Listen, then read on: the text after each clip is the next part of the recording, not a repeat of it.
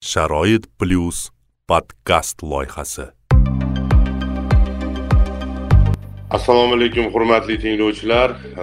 Toshkent shahar sharoit plyus nogironlar jamoat birlashmasining media loyihasi deymiz. Sharoit plyus podkast judayam ko'pchilikka tanish loyiha. Biz bu loyihamizni bemalol aytishimiz mumkin. Yangitdan qayta e, efir yuzini ko'ryapti. Chunki o'sha hamkorlarimiz biz bilan hamkorlik qiluvchi e, tashkilotlar bizni mana shu loyihalarimizni qo'llab quvvatlashni davom ettirishlarini bildirishyapti va sizlarning qo'llab quvvatlashingiz asosida biz e, sizlarga ishongan holatda mana shu sharoit plyus podkastni boshlamoqchi bo'lib turibmiz.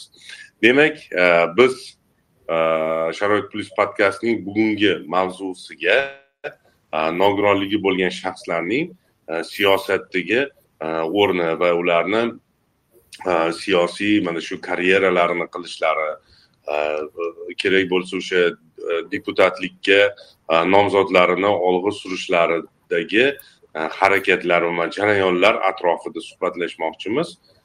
Va o'zbekiston respublikasi milliy tiklanish partiyasi markaziy kengashi raisi o'rinbosari feruza opa muhammadjonovani bugun spiker sifatida taklif etganmiz. Assalomu alaykum feruza opa. Assalomu alaykum ulug'bek aka. Katta rahmat taklifingiz uchun. Xush kelibsiz.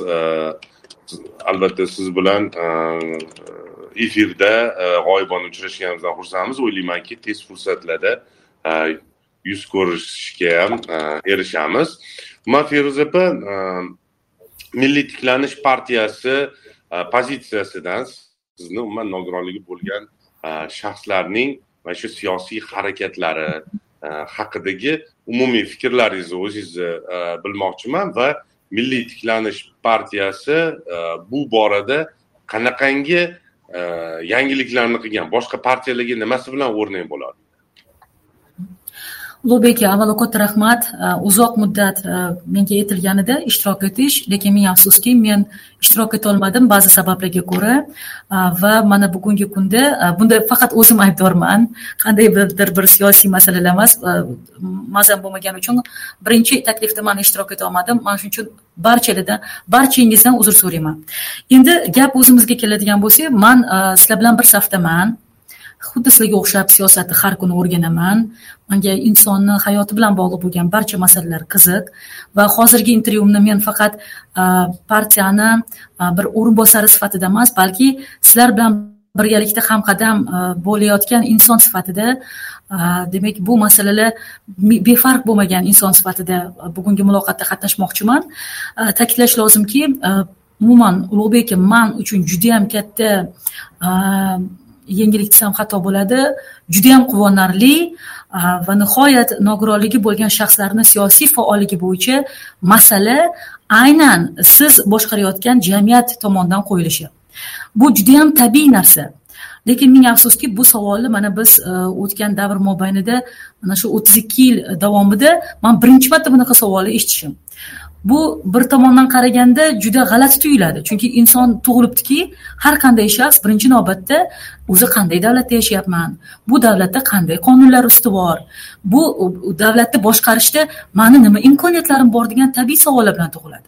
Shu nuqtai nazardan biz barcha turli xil dunyoda dunyoga kelgan demak e, holatdagi odamlarga o'sha majburiyatni tushuntirib berishimiz kerak. Va davlatni bu borada eng katta mas'uliyati mana shu o'zini haqiqiy boyligi bo'lgan davlatni haqiqiy boyligi bo'lgan xalqiga uni siyosiy huquqlarini ham tushuntirib berishdan iborat.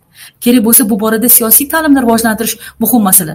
Aynan o'zbekistonda bugun siyosiy innovatsiyalar rivojlangan zamonda bu masalani kun tartibiga qo'yilishi nihoyatda adolatli deb o'ylayman. Bitta fikr bor agar sen siyosat bilan shug'ullanmasang siyosat sen bilan shug'ullanadi degan fikr bor. Bu manimcha eng noto'g'ri fikr. Sababi aslida har bitta inson siyosat bilan shug'ullanadi. Faqat qiziqishlar doirasida shug'ullanadi. Mana shu joydan farq qiladi. Man o'ylaymanki mana bugun e, manga e, ma'qul bo'layotgan tomoni sizni savolingizni Э, juda konkret bo'ldi. Э, demak e, deputatlarni orasida nogironligi bo'lgan shaxslar bormi? Э, demak e, siyosiy faolligini oshirish uchun bunday shaxslarni qanday imkoniyatlar yaratilishi kerak? O'zi bitta siyosiy partiya sizni partiyangiz ya'ni milliy tiklanish demokratik partiyasi nima ish qilyapti degan savollaringiz nihoyatda o'rinli deb bilaman.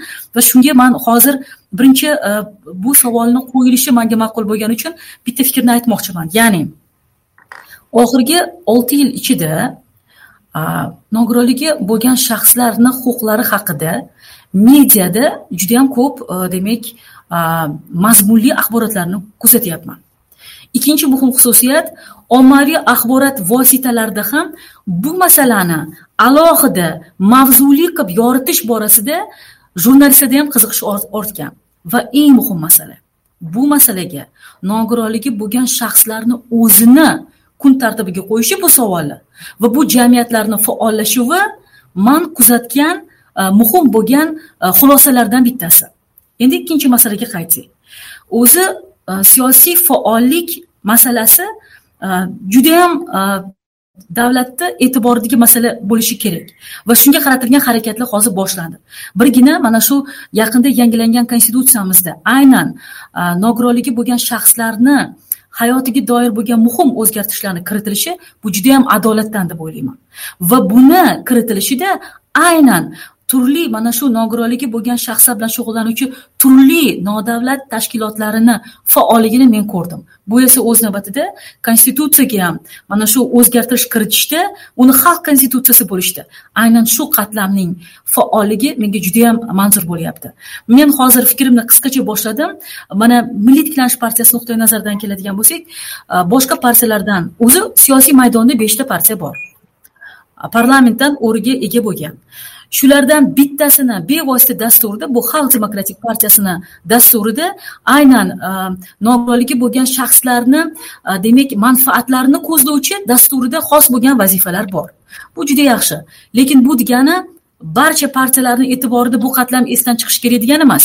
Man o'ylaymanki bugungi kunda muloqotda qatnashayotgan har bir insonimiz mana shu beshta siyosiy kuchni maqsadlarini bilgan holda faol harakat qilishyapti. Man o'ylaymanki qaysi birlardir e, liberal demokratik partiyani g'oyalarini ya'ni tadbirkorlar va ishbilarmonlar harakati e, demak mana shu partiyani g'oyalarini ilgari suradi.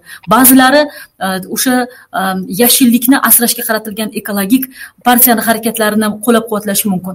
Va hokazo shulardan bittasi biz qadriyatlarga tayangan taraqqiyot degan muhim bo'lgan fikr bilan siyosiy maydonga kirganmiz. Bizni eng muhim qiziqtiradigan masala bu insonparvarlik g'oyasi. Insonni o'zgartirish orqali jamiyatni o'zgartiramiz degan fikrni muddaoni ilgari surish g'oyasi bizni bosh vazifamiz bo'lib belgilangan. Man o'ylaymanki mana shu qadriyatlarga tayangan taraqqiyot degani eng avvalo bu inson bu tabiat farzandi ollohni farzandi ya'ni olloh yaratgan bizni. Shunday ekan mana shu dunyo hamma uchun teng hamma uchun uni go'zalligidan bahramand bo'lish kerak. O'zini bor imkoniyatlarini ro'yobga chiqara olish kerak. Bizni dasturimizda aynan shu maqsadlar yozilgan va shu nuqtai nazardan biz o'ylaymizki mana shu nogironligi bo'lgan shaxslar bilan aynan shu nuqtai nazardan muomalaga kirishimiz va bu borada ularni fikrlarini qo'llab quvvatlashimiz va e, partiyamiz bilasiz e, ikkinchi o'rinda turadi deputatlik o'rinlari bilan oliy majlisda ya'ni qonunchilik palatasida. Keyin bizni bir ming ikki yuzga ziyod mana shu demak xalq deputatlari mahalliy kengashlardagi deputatlarimiz bor. Mana shu harakatlar mana shu kuch bizni mana turli mana shu nogironligi bo'lgan shaxslar bilan bog'liq bo'lgan masalalarni hal etishimizga yordam beradi. Man o'ylaymanki keyingi savollarda man bularga aniq javob beraman. Kirish qismi uzayib ketmasligi uchun hozir gapimni shu joyda demak yakunlashni lozim topdim. Birinchi qismga savolni birinchi qismini. Rahmat kattakon endi feruza opa boya xalq demokratik partiyasini eslab o'tdingiz. Biza o'tgan yili ham o'zi har yili bu mavzuni ko'tarishga harakat qilamiz siyosiy harakatni chunki haqiqatdan ham tan olishimiz kerak. ikki ming o'n yettinchi yildan boshlab nogironligi bo'lgan shaxslar jamoat birlashmalarini faolligi keskin oshdi.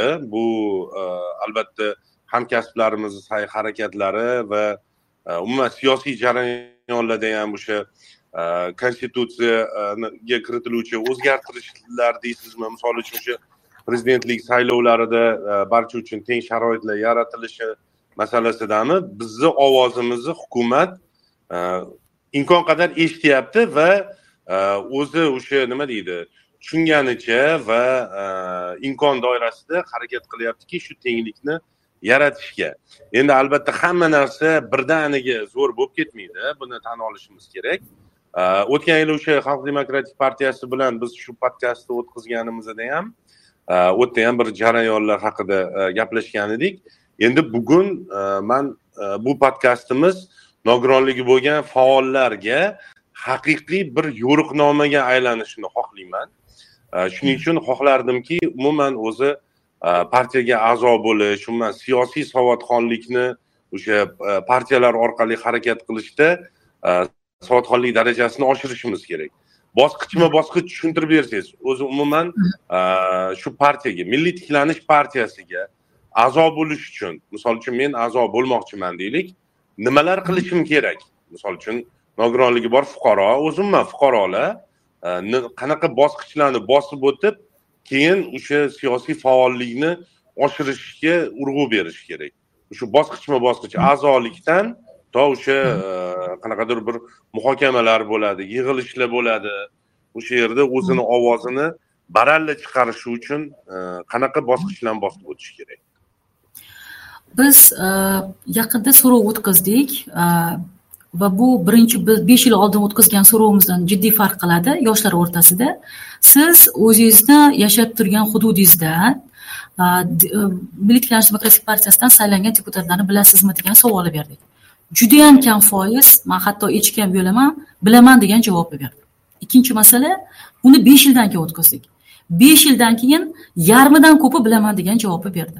Demak biz bevosita partiya faoliyatiga qiziqayotganda o'zi oddiy narsa saylangan deputatlarimizni tumanimizdan qaysi joyda yashasak o'zi kimligini bilamizmi degan savol tug'iladi. Endi bilasiz davlat darajasida qarorlarga ta'sir qilish va saylash va saylanish huquqidan foydalanish bizani mana shu ikkita bir siyosiy huquqimiz borda. Davlat darajasiga qarorlarga ta'sir qilish ham bu oddiy fuqaroni ham qo'lidan keladigan masala bo'lib qoldi hozir. Bu uchun deputat bo'lish shart emas. Lekin buni professional darajada olib borish uchun albatta partiyalarga a'zo bo'lish kerak. Man aytmoqchi bo'lgan asosiy masala. Birinchisi ta'kidlash lozimki bugungi kunda o'zbekiston respublikasini yangi saylov kodeksida nomzod huquq nomzod ko'rsatish huquqi oliy majlisga prezidentlikka faqatgina bitta tashkilotga berilgan siyosiy tashkilotga. U ham bo'lsa siyosiy partiyalar. Demak biz nomzodimizni qo'yishimiz uchun albatta u yoki bu partiyani a'zosi bo'lishimiz kerak. Lekin yana bir narsani aytish lozim. Yana shunday bir unikal imkoniyat borki saylov kodeksida yozilgan siyosiy faollikni siyosiy partiyaga a'zo bo'lmasdan ham tashkil qilsa bo'ladi. Bu qonunchilikda muhrlangan. Lekin yaxshi bo'lardi. Har bitta tashkilotni a'zosi o'sha nima deydi a'zo bo'lsa partiyaga albatta bu biz uchun manfaatliroq. Lekin partiyasizlarni ham partiya bevosita nomzodlikka ko'rsatishi mumkin. Buni alohida ta'kidlashimiz lozim. Lekin yana bir narsani ta'kidlash lozimki albatta bizga a'zo bo'lsangiz demak e, bilasiz partiya bu davlat byudjetidan demak e, oliy majlisda e, bevosita deputatlik o'rinlariga qarab turib bizni moliyamiz belgilanadi. Shu nuqtai nazardan biz e, bizni iqtisodiy jihatdan qo'llab quvvatlovchi e, bitta manbayimiz bu oliy majlisda qancha deputat saylansa shuncha bizga pul beriladi byudjetdan. Demak bizni yashashimiz uchun e, partiyani yo'q bo'lib ketmasligi uchun bu nihoyatda muhim ahamiyatga ega. Ikkinchisi a'zolik badallari. Siz bizga a'zo bo'lgandan keyin ya'ni ko'proq bu bevosita o'sha demak ma'lum bir korxonalarda ishlaydigan odamlar bo'lishi mumkin yoki mahalladan badali to'lamasdan ham a'zo bo'lishingiz mumkin buni ham aytib qo'ymoqchiman sizga xulosa qilib aytganda man bitta misol keltirmoqchiman sizlarga bilasiz sizni ichingizda faol bo'lgan demak nogironligi bo'lgan shaxslar bor man hozir ularni qanday qilib bizni katta milliy tiklanish demokratik partiyasiga kelganini misolida fikrimni tasdiqlamoqchiman ya'ni u inson bizga qo'shilishi bilan nafaqat qonunchilikka o'zgartirish imkoniyati paydo bo'ldi balki shu bilan birgalikda bevosita o'zbekiston respublikasini konstitutsiyasida ham aynan shu moddalarni nazarda tutuvchi fikrlar o'z tasdig'ini topdi. Uzoqqa borish hojati yo'q. Biz mana shu bevosita nogironligi bo'lgan shaxslarni demak turli birlashmalari bilan yaqin hamkorlikda ishlaganimizdan keyin partiyani ham qarashlari bu borada o'zgardi. Uzoqqa borish hojati yo'q. Biz tashkil etilganimizga masalan yigirma besh yil bo'ladigan bo'lsa tan olish lozim. Hech qachon agitatsiyani nogironligi bo'lgan shaxslar o'rtasida saylov jarayonida olib bormaganmiz. Lekin mana mana shu masalani kun tartibiga ma'mur ahliddinov degan bizni e, demak e, hamkorimiz e, bizga bu masalani taklif etdilar va biz ular bilan muloqotga kirishdik. Va natijada ko'rdikki bir guruh eshitilmagan odamlarni muammosini ustidan chiqdik. Ikki ming o'n oltinchi yilda. Ana shundan keyin biz bildikki qanchalik muhim bizni saylov oldi dasturlarimizni mana shu kerakli formatlarda brayl alifbosida surda tarjimonlarni jalb etib olib borish kerakligini biz tushundik va partiyalarni ichida birinchi bo'lib mana shu o'zimizni bevosita dasturlarimizni demak nogironligi bo'lgan shaxslarimizga tushuntirishga harakat qildik.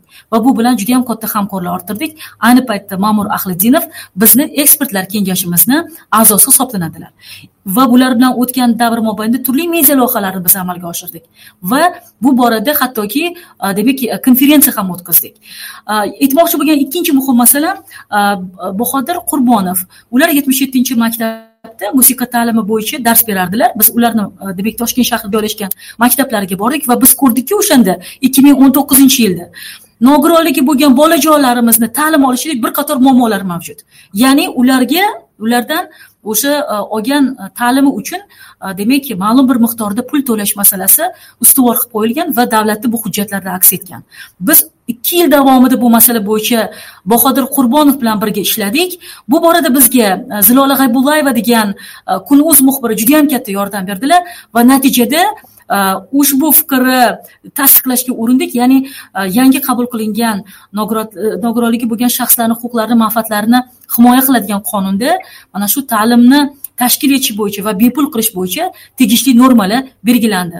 Lekin buni e, nima desam ekan boshlaganimizda man xabarim bor bahodirjon bilan ham ishlash qiyin bo'ldi. Hattoki ortga chekingan paytlarimiz ham bo'ldi va siyosatda bu misol qanchalik qiyinchilik bilan mana ikki yil vaqtimiz ketdi. Lekin mana qonunlar qayta ishlangandan keyin bu masalani biz yechishga urindik. Uchinchi muhim jihat e, biz ko'rdik oliy ta'limga kirishda o'sha ikki ming o'n oltinchi yilda muammolar bor edi. Ya'ni kvotalar u paytda yo'q edi. O'shanda adhamjon jo'rayev degan bizni demak a'zoyimiz bordilar. Biz juda qiynaldik bular bilan ishlashga qaysi ma'noda. Ular bilan birga hattoki oldilarida demak test topshirayotganlarida birga turganmiz. Lekin o'qishga o'shanda agrar universitetiga kirolmaganlar lekin o'shanda biz xizmat beminnat degan aynan nogironligi bo'lgan shaxslarimizni Э, demak э, o'sha э, bilimlarini bilimlar bilan qurollantirishga qaratilgan ziyolilar loyihasi bor edi.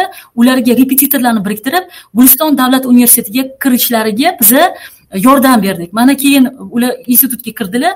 Hozir esa mani e, mandagi oxirgi ma'lumotlarga ko'ra sirdaryoni aynan shu shu yo'nalish bo'yicha e, demak e, e, tuzilmasiga rahbarlik qilyaptilar.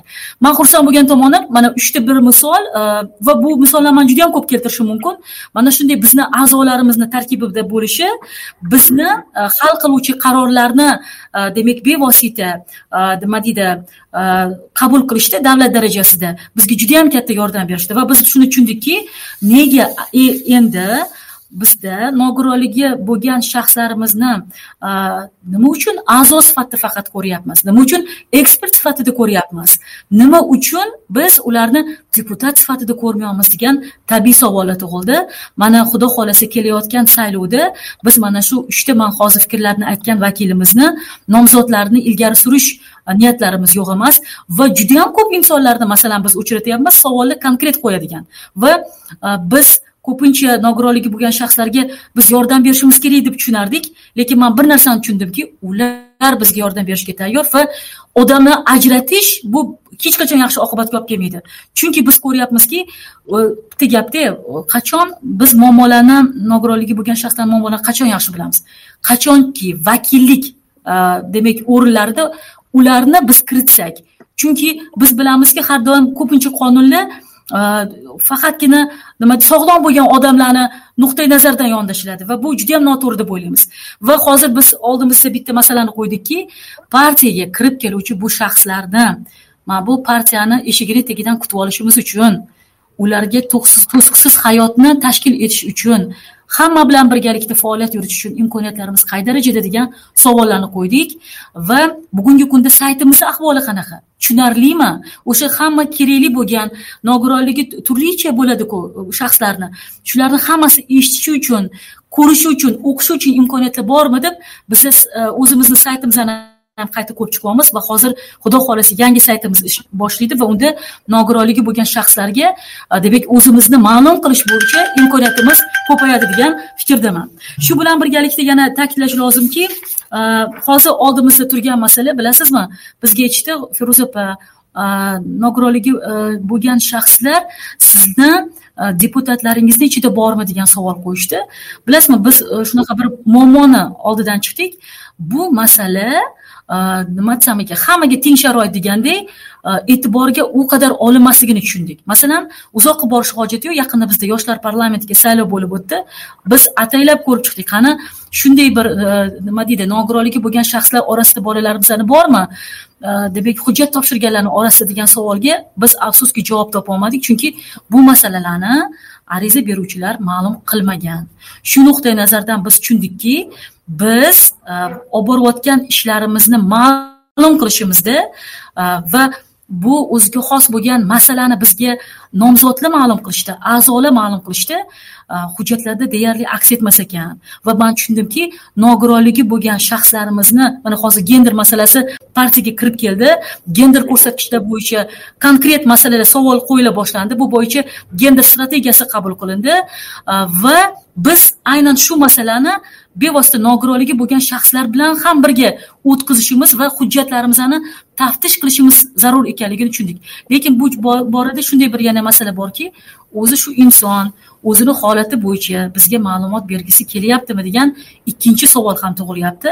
Chunki shunday xos masalalar borki biz faqatgina u insonni xohishi bilan u ma'lumotga ega bo'lishimiz kerak. Chunki birorta hujjat yo'qki buni bizga majburiy qilib qo'yadigan. Shu nuqtai nazardan bizda bu borada ozgina muammo ham yuzaga kelganini e, demak man alohida ta'kidlab o'tishim lozim. Biz faqat nimani ko'ryapmiz?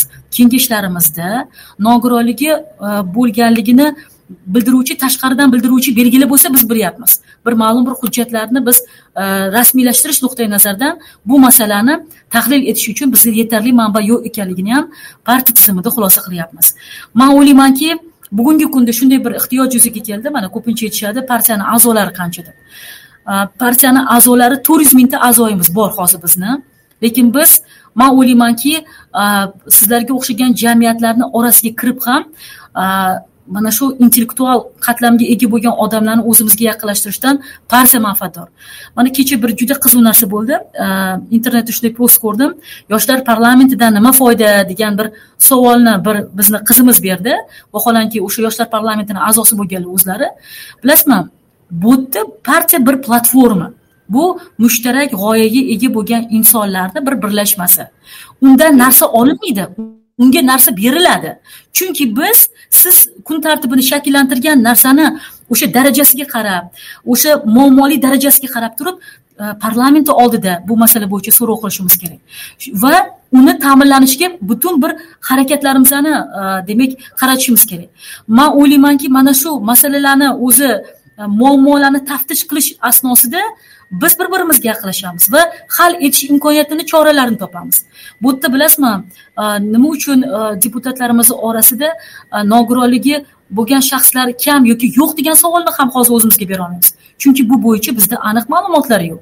Man hali aytganimdek shu qismni aniqlovchi demak xos bo'lgan axborotlarni biz o'zimizda shakllantirish ham oldimizda turgan masala. Chunki bundoq olib qaraganda biz xilma xilmizmi biz shuni qabul qilishimiz kerakda va bu masalalarni oydinlashtirishdan hech ham uyalmasligimiz kerak deb o'ylayman. Chunki bu uyaladigan narsa emas ochig'ida. Shuning uchun mana uh, qonunlar qabul qilindi. Biz konvensiyaga a'zo bo'ldik. Nogironlarni huquqlarini himoya qilish bo'yicha. Shunday ekan hamma ma'lumotlarimizni ochiqligidan biz uh, nima desam ekan bu borada kuchlarimizni birlashtirishimiz kerak degan fikrga keldik va hozir aytishinglar mumkin feruza opa mana dunyoda nogironligi bo'lgan shaxslarni deputatlikka nomzod qilib ko'rsatishda kvotalar bor ekan. Nega shu kvotalarni ishga solmaymiz degan savollar ham tug'ilishi sizlarda mumkin. Mani nazarimda muammo nimada? Muammo mana hozir man aytdim nogironligi bo'lgan shaxslarni ma'lum bir qatlami juda faol lekin ma'lum bir qatlamini faollashtirish uchun siyosiy bilimlar yetarli emas. Siyosiy bilimlarni o'zbekistonda berish masalasida ham ozgina muammo bor. Chunki siyosiy bilimlar masalan yevropada ayniqsa masalan britaniyada maktab partasidan boshlanadi. Bizda esa bolalarni bolalarga partiyalar haqida ma'lumot bilasizmi qachon beriladi. O'ninchi o'n birinchi sinfda. Bolani siyosiy qarashlari esa o'n yoshdan boshlanadi. Shakllanadi. Shakllanishi shunday ekan biz siyosiy faol bo'lgan shaxslarni maktab partasidan e, demak shakllantirishimiz kerak. Ana mana yoshlar parlamenti nima uchun biz shakllantirdik? Chunki o'ttiz yoshgacha bo'lgan yoshlarni parlamentda soni nihoyatda kam. Shunday ekan biz nima platforma orqali bularni ko'paytiramiz? Bizda biz yigirma yil e, yigirma yildan oshiq vaqt mobaynida man o'zim yoshlar tashkilotida ham ishlaganman yoshlar parlamentini tashkil etish g'oyasini berganmiz. Partiyaga kelib ham buni ilgari surdik. Lekin amalga oshmadi. Mana hozir endi mana o'tgan ikki yilda e, demak yoshlar parlamenti faoliyat e, nima deydi olib bora boshladi e, lekin unda ham mana nogironligi bo'lgan shaxslarni jalb etish ham oldimizda masala bo'lib turibdi. Man hozir muloqotdan avval iltimos qildim demak yoshlar parlamentini raisiga rais bizni partiyamizdan saylangan shahnoza jo'ldasova iltimos nimaga nogironligi bo'lgan shaxslarimiz yoshlarimizni parlament faoliyatiga jalb etmadik? Ularni jalb etmaganimiz bu yoshdagi bolalarimizni inklyuziv ta'limda o'zbekistonda yetarli muammo bor. Uni sekin sekin hal qilamiz. Shu masaladagi muammolarni yechimini biz kimdan olamiz? Shu joydagi holatda biz qanday o'rganamiz? Shu nuqtai nazardan mana shu qatlam bilan yaqinlashish nuqtai nazaridan man iltimos qildim. Ulug'bek aka agar imkoniyati bo'lsa keyingi podkastlarni bevosita mana shu yoshlar parlamentini raisi bilan birga tashkil etish masalasini ham oldimizga maqsad qilib qo'ydik. Maqsad nima? Biz yoshidan qat'iy nazar barchani siyosatga jalb etishimiz kerak. Bu nima beradi bizga? Bu bevosita mamlakatda demokratiyani ta'minlashga inson huquqlarini ta'minlashga nihoyatda katta yordam beradi. Va bu borada bir birimizni eshitish eshitib kerakli qarorlarni qabul qilishda birlashishimiz nihoyatda muhim ahamiyatga ega. Chunki siz o'ylang har bitta tumanda o'ttiztadan deputat bor. U turli partiyalardan saylangan.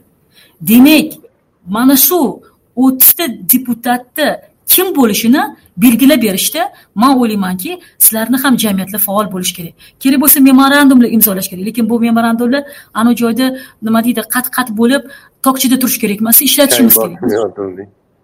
nima deysiz? Chang bosib yotmasligi kerak albatta ulug'bek aka keyin bu yerda yana bitta masala bor. Mana hozir bizada xabaringiz bor. Konstitutsiyamiz qabul qilindi va bu joyda juda oldin bizga aytishardida man o'zim ham ko'p aytaman. Deputatlar teshikdan emas eshikdan kirish kerak deymanda.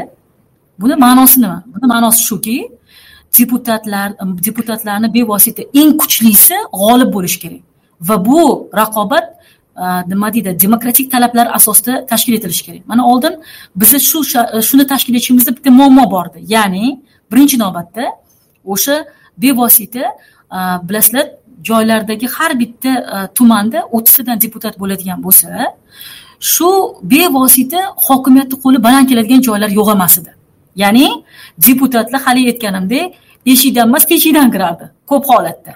Mana hozir konstitutsiyada buni prezidentimiz shaxsan o'zlari taklif etdilar bevosita e, mana shu e, hokimlar mahalliy davlat hokimiyatidagi o'sha raisi bo'lgan hokimlar e, demak bevosita xalq deputatlari mahalliy kengashlarini raisi bo'lmasin degan muhim fikr konstitutsiyada aks etdi.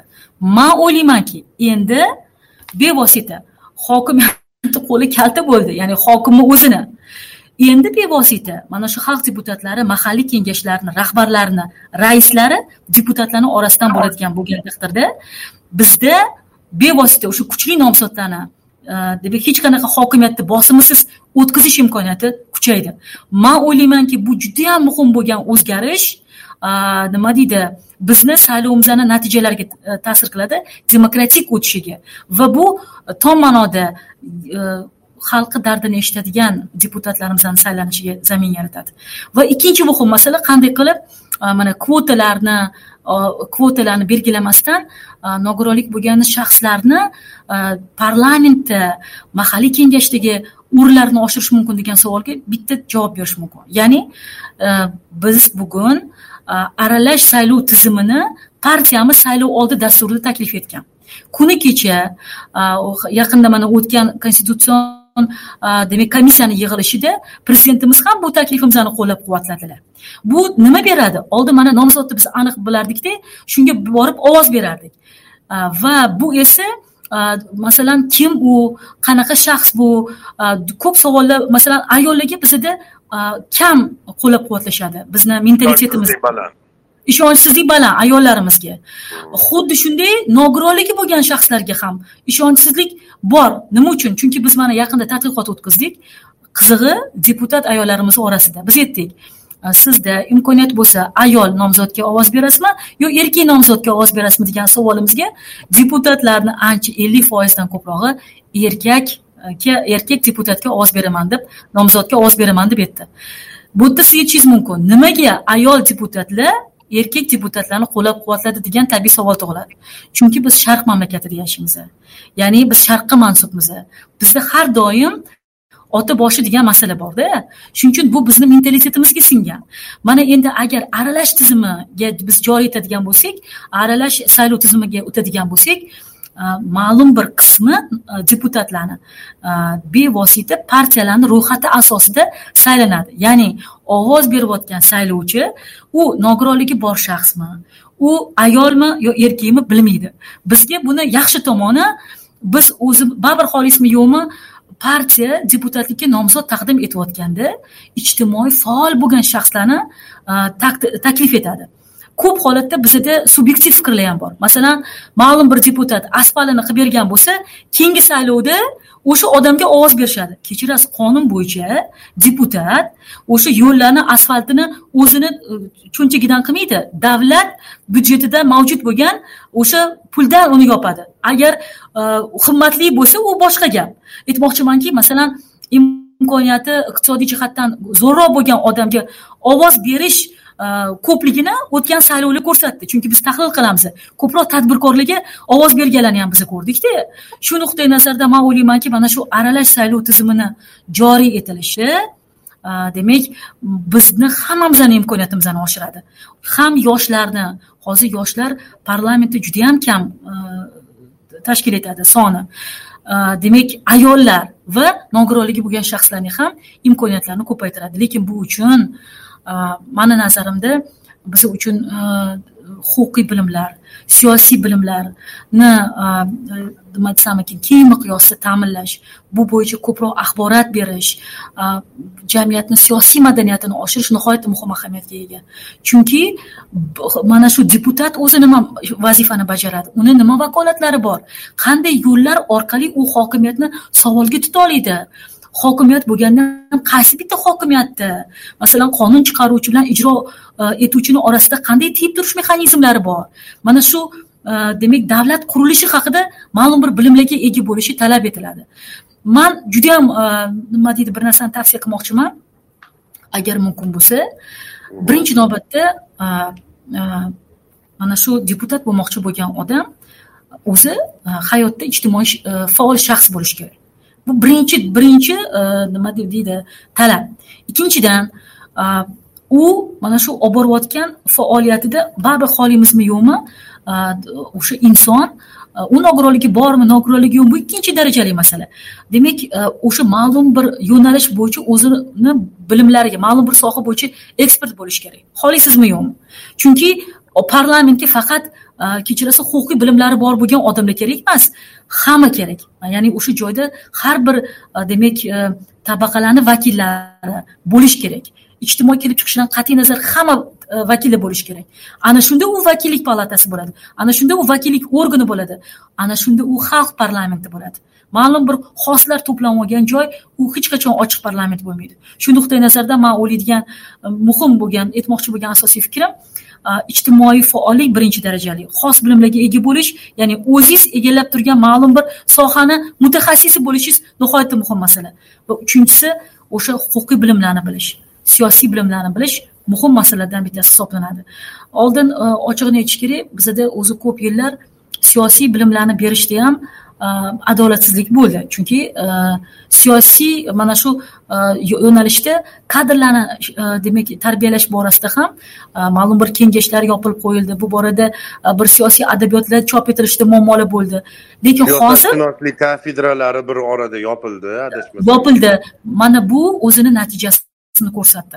Man bilasizmi o'zbekiston xalqi juda siyosiy jihatdan savodxon deb o'ylayman Э, lekin siyosiy jihatdan bilimi yetmaganlar ham yetarli. Masalan hozir ko'rayotgan bo'lsangiz kerak e, prezidentlikka e, nomzodini ilgari surayotgan shaxslarni e, faolligi bilan bog'liq bo'lgan nima deydi holatlarda ham muammolar yuzaga kelyaptida. Ya'ni umuman nima desam ekan kurayda turmaydigan bir vajlar bilan chiqayotgan odamlar ham yo'q emasda.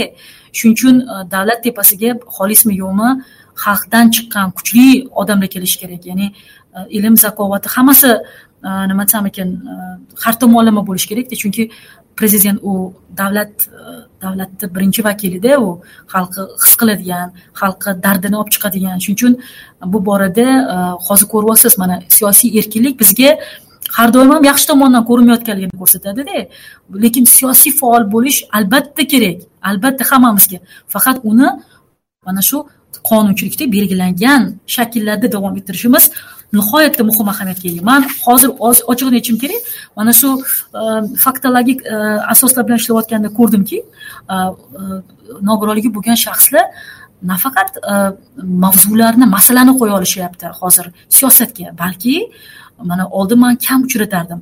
Okrug saylov komissiyasini demak rahbarlari demak nogironligi bo'lgan shaxslardan iborat bo'lgan insonlarimiz ham borligini ko'rib man xursand bo'ldim. Mana o'tgan yil prezident saylovlarida ko'rdik adashmasam besh foiznimi tashkil qilgan. To'g'ri bu kam deyishingiz mumkin lekin mana shu masalani tahliliga kirishganini eshitib markaziy saylov komissiyasini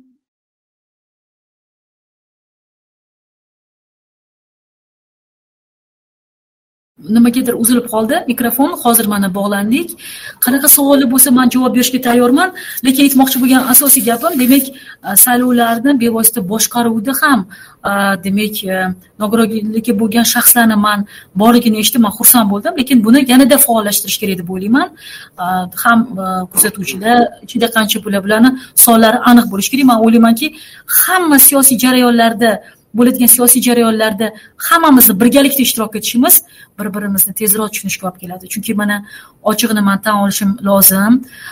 Ulug'bek aka man siz bilan muloqotga kirishishdan oldin mana shu nogironligi bo'lgan shaxslarga oid bo'lgan qonun hujjatlari ustidan qanchalik ko'p parlament nazorati mahalliy kengashlarda mana shu eshituvlar tashkil etilgan deputatlik so'rovlari yuborilgan degan savollarga duch keldim va ochig'ini aytish lozim.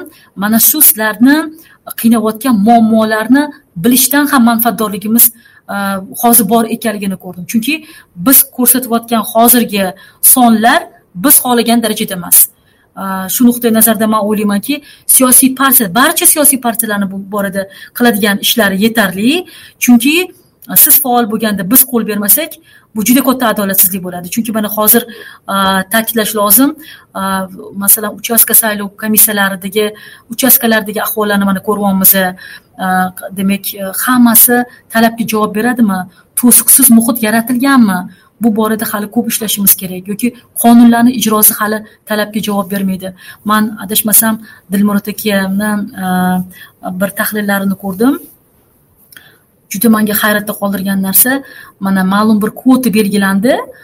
Demak nogironligi bo'lgan bizni yoshlarimizni o'qishga kirish bilan bog'liq bo'lgan oliy ta'limga jalb etish bilan bog'liq bo'lgan kvota belgilandi.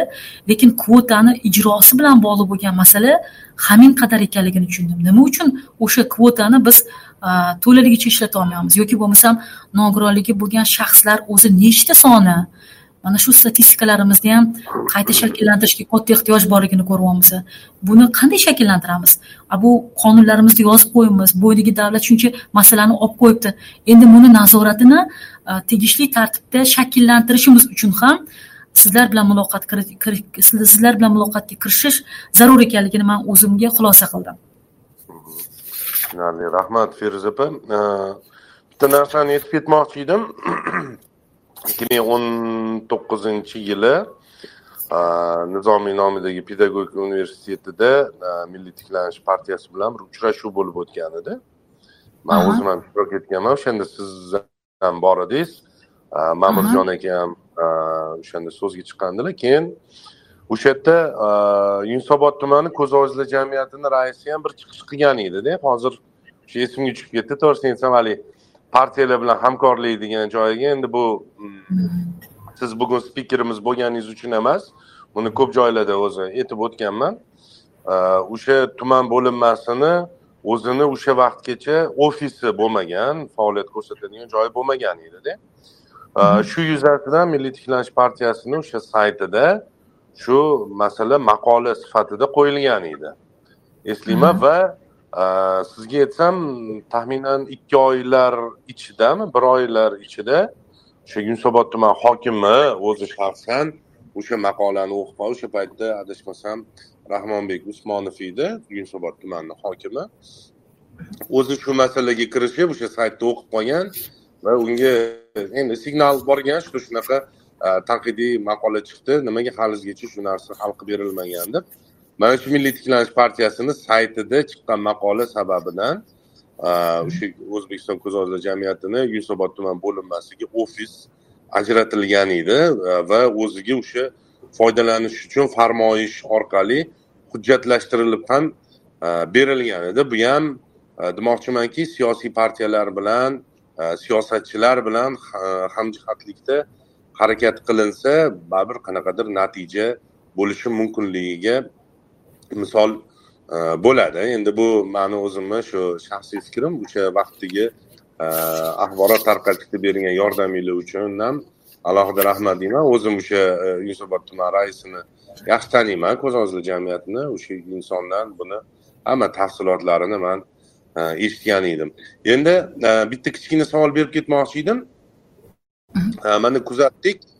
Milliy tiklanish partiyasida ayollar va yoshlar qanoti mavjud ekan umuman mana shu qanot orqali nogironligi bo'lgan ayollarni va yoshlarni huquqlarini himoya qilishda yokida ularni ovozlarini olib chiqishda qanaqangi bir chora tadbirlar amalga oshirilgan yoki qanaqa misol uchun amalga oshirilish rejalari qanaqadir bir bormi? Endi yuqorida siz o'sha nogironligi bo'lgan shaxslarni siyosiy faolligini oshirish bo'yicha tavsiyalaringizni berib ketdingiz Э, lekin baribir mana shu э, tashkil etilgan qanot orqali ham qanaqadir bir g'oyalar oldinga surilyaptimi yana boshqa?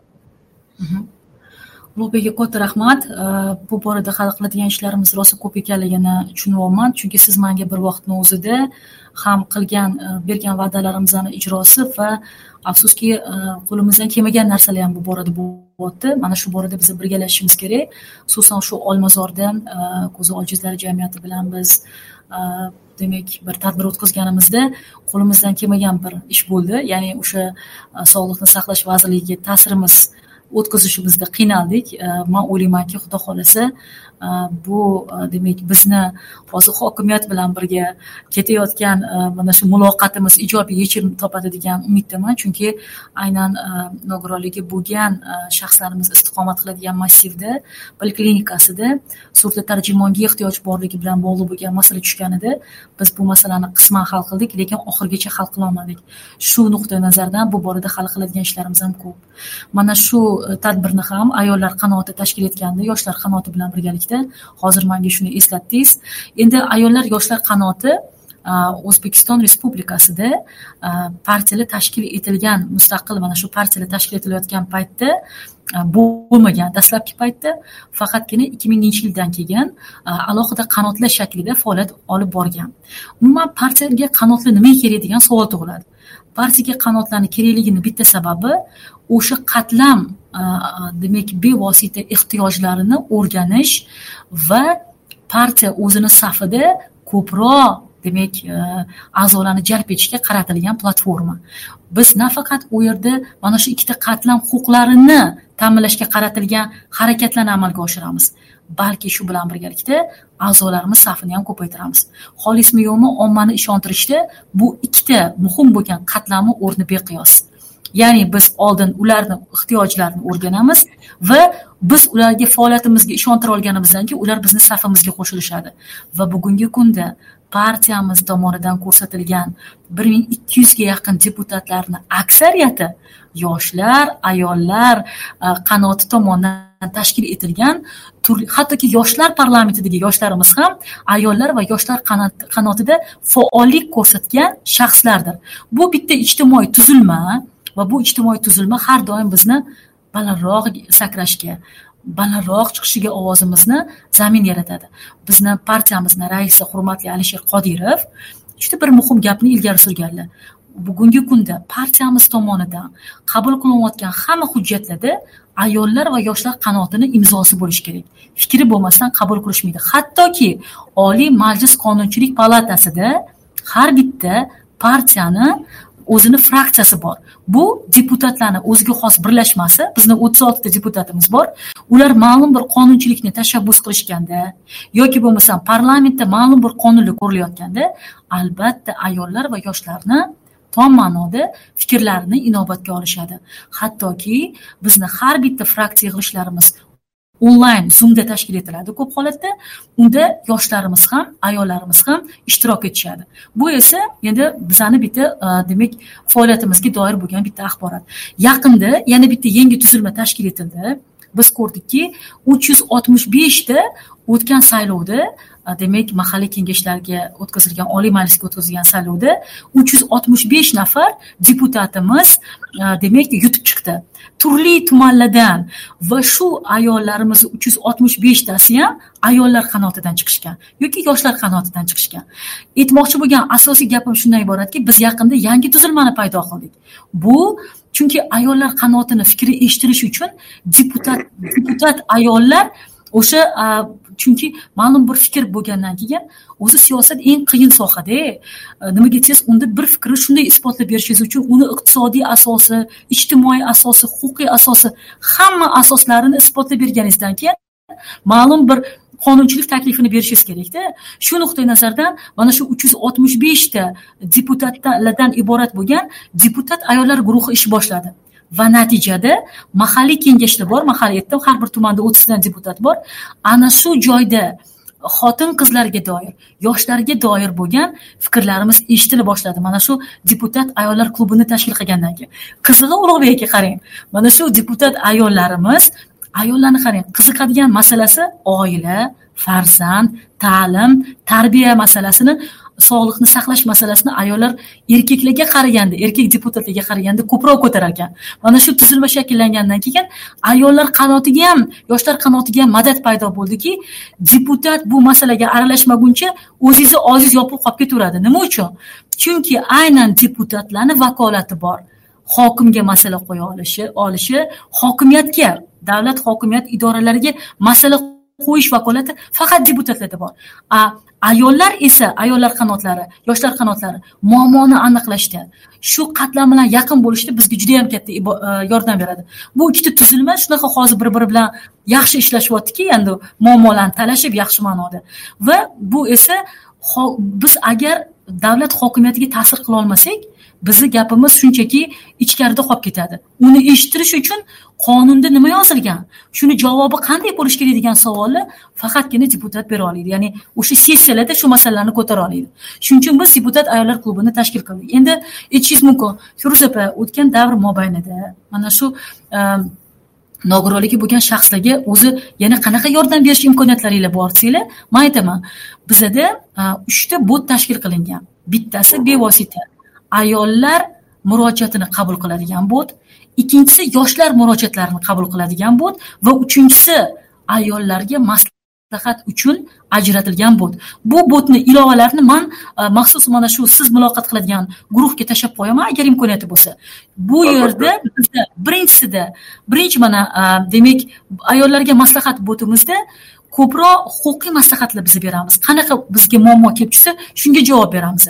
Ayollar va yoshlar botida ko'pincha takliflar yozishadi. Biz e, demak yoshlar qatlamiga yetib borish uchun ularni fikrlarini olamiz va shu bilan birgalikda ta'kidlash lozimki mana bizda oxirgi uch oyda ikki ming yigirma uchinchi yilni birinchi choragida ikki ming o'ttiz sakkizta murojaat kelib tushgan bo'lsa aynan nogironligi bo'lgan shaxslarni shaxslardan kelib tushgan murojaatlar bir yuz oltmish sakkiztani tashkil qiladi. Bu qayerdan bizga kelib tushdi? Bu faqatgina partiyani murojaat botidan kelib tushgan demak murojaatlar. Bizda yana alohida bir ming ikki yuzga yaqin deputatlarimizga alohida ulardan murojaatlar kelib tushadi. Man ochig'ini aytsam hozir to'g'risini aytsam maqtanish bo'lib qoladi. Mana man tayinlab qo'ygandim ayollar yoshlar qanotiga aytsam nima demak yordam ko'rsatildi nogironligi bo'lgan shaxslarga manga ma'lumotlarni beringlar deb savol bersam manga juda yam ko'p ma'lumotlarni chiqarib berishdi. Man agar sizga qiziq bo'lsa buni qisman qisman o'qib berishim mumkin. Lekin ularni ko'pida man ko'ryapmanki asosan demak o'sha nafaqa olishdagi muammolar nogironligini olishdagi muammolar nogironligini olgandan keyin o'sha nima deydi bevosita haligi kerak bo'lgan ularga ortopedik e, demak mahsulotlarni xarid qilishdagi muammolar. Mana shunga o'xshagan judayam ko'p muammolar kelib tushadi. Yoki bo'lmasam xorijda operatsiya qilish bilan bog'liq bo'lgan muammolar judayam mazmuni har xil va ularda ko'pida ijtimoiy e, mana shu e, o'zi qonundan mavjud bo'lgan davlatlar davlatimizda ma'lum bir tuzilma tomonidan amalga oshiriladigan demak qonunlarni ijrosi ta'minlamagan holatlarda deputatlar tomonidan ko'rsatilgan madadlar haqida ma'lumot bor. Man tushuntira oldimmi? Man ularni hozir agar qiziq bo'lsa sizlarga yana qisqa tashlab qo'yishim mumkin. To'g'risini aytsam ozgina albatta o'sha podkastdagi o'sha maqolaga ilova qilib biz biriktiramiz bu ma'lumotlarni. Agar imkon bo'lsa juda yam xursand bo'lamiz. Endi misol uchun mana chekka hududlarda yashaydiganlarda ayniqsa bir savol tug'ilib qoladiki biz partiyaga a'zo bo'lmoqchi bo'lsak misol uchun milliy tiklanish partiyasiga a'zo bo'lmoqchi bo'lsak uni qattaqligini aniqlashimiz qiyin bo'ladi deyishadi. Misol uchun bir qanaqadir bir shunaqa haligi telefon raqami bormi? Misol uchun qo'ng'iroq qilib markazlashgandek deylik man sariosiyo tumanidagi o'sha milliy tiklanish partiyasini a'zosi bo'lmoqchiman. Kimga murojaat qilishni bilmayapman topolmayapman kimga murojaat qilishim mumkin degan shunga o'xshagan savollarga javob oladigan bir qanaqadir manba bormi? Misol uchun endi botlar yokida misol uchun shunaqa elektron manzil bu albatta saytda boshqada bor. Lekin baribir texnikadan foydalanishda umuman internetni o'zi ishlashida ham masalan hammada har xil muammolar bo'lishi mumkin. Oddiygina bir qo'ng'iroq qilib ma'lumot olish mumkin bo'lgan bir qanaqadir manba bormi? Shunga o'xshagan ma'lumotlarni olish mumkin. Bemalol. Bu masala bo'yicha demak e, to'g'ridan facebookda ijtimoiy tarmoqlarimiz bor. Respublikada o'n to'rtta ishonch telefonlari ishlab turibdi. Demak bu savolni berilishi demak o'sha ma'lumotlar bo'yicha topishda muammo borligini man ko'rib turibman.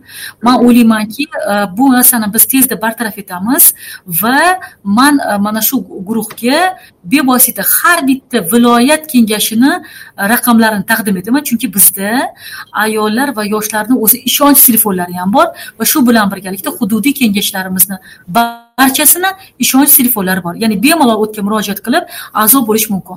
Va agar shunaqa bir taklif bo'ladigan bo'lsa mana shu e, bevosita turli jamiyatlar bor sizlarda. Biz barcha deputatlarimizni jalb etgan holda Э, ular bilan muloqotlarni ham yaqindan tashkil etish uchun imkoniyatimiz bor.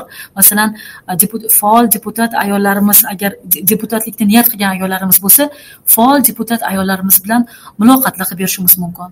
Umuman mana shu barcha tumanimizdagi deputatlar partiyamizni barcha tuzilmalari kengashlardagi hamma ishonch raqamlarini biz taqdim etamiz. Lekin eng muhim masala e, biz e, a'zo bo'lish bu birinchi yo'l bizga.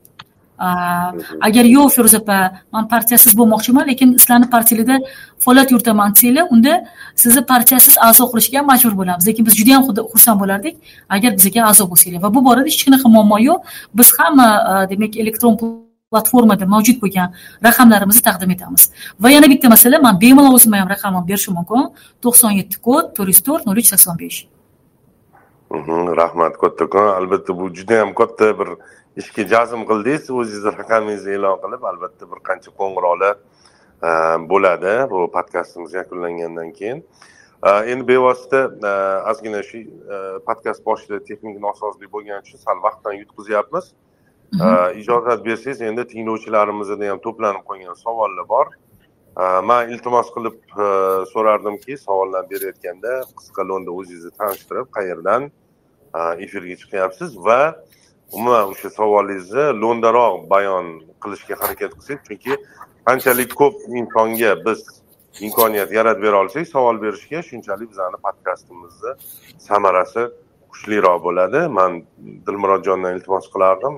Mikrofon yoqib berishi qo'l ko'targan insonlarga savol berish uchun o'sha qo'l ko'tarish tugmachasi bor. Telegramda e, o'sha tugmachani bosib qo'ysangiz albatta bizni adminlarimizga ko'rinib turadi. Dilmurod?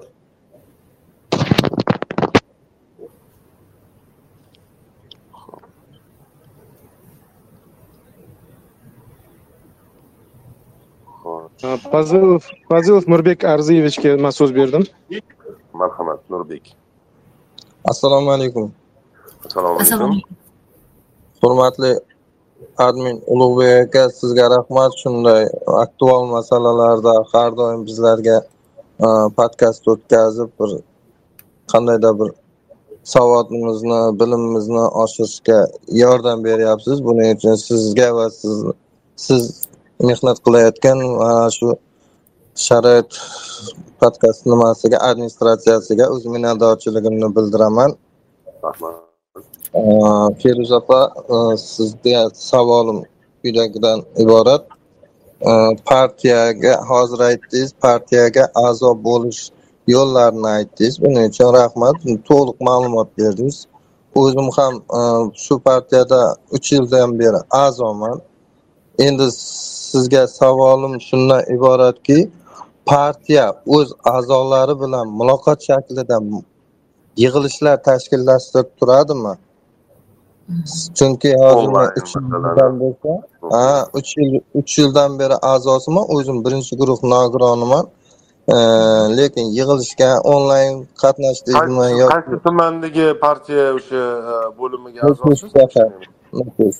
Nukus shahar nukus shahri. Mhm. Ha nukus shahri. O'zim birinchi guruh nogironiman lekin e, imkoniyatim ham o'zimni kuch g'ayratim ham bor shunday o'zim qiziqamanda shu davlatga bir qandaydir bir foydam tegsa qandaydir bir o'zimni aqliy bir nimalarim bilan ideyalarim bilan bo'lishib tursam debchi. Shuning uchun men shu partiyaga a'zo bo'lgandim lekin hozir ikki yil ikki uch yil bo'ldi. E, partiya tomonidan yo yig'ilish yo nimalarga hech kim chaqirmayaptida. Shuni shuni so'ramoqchi edim. Partiyada shunday nimalar tadbirlar o'tkazilib turadimi? Yig'ilishlar masalan tushuncha berish kerak partiya haqida ma'lumot berish kerak.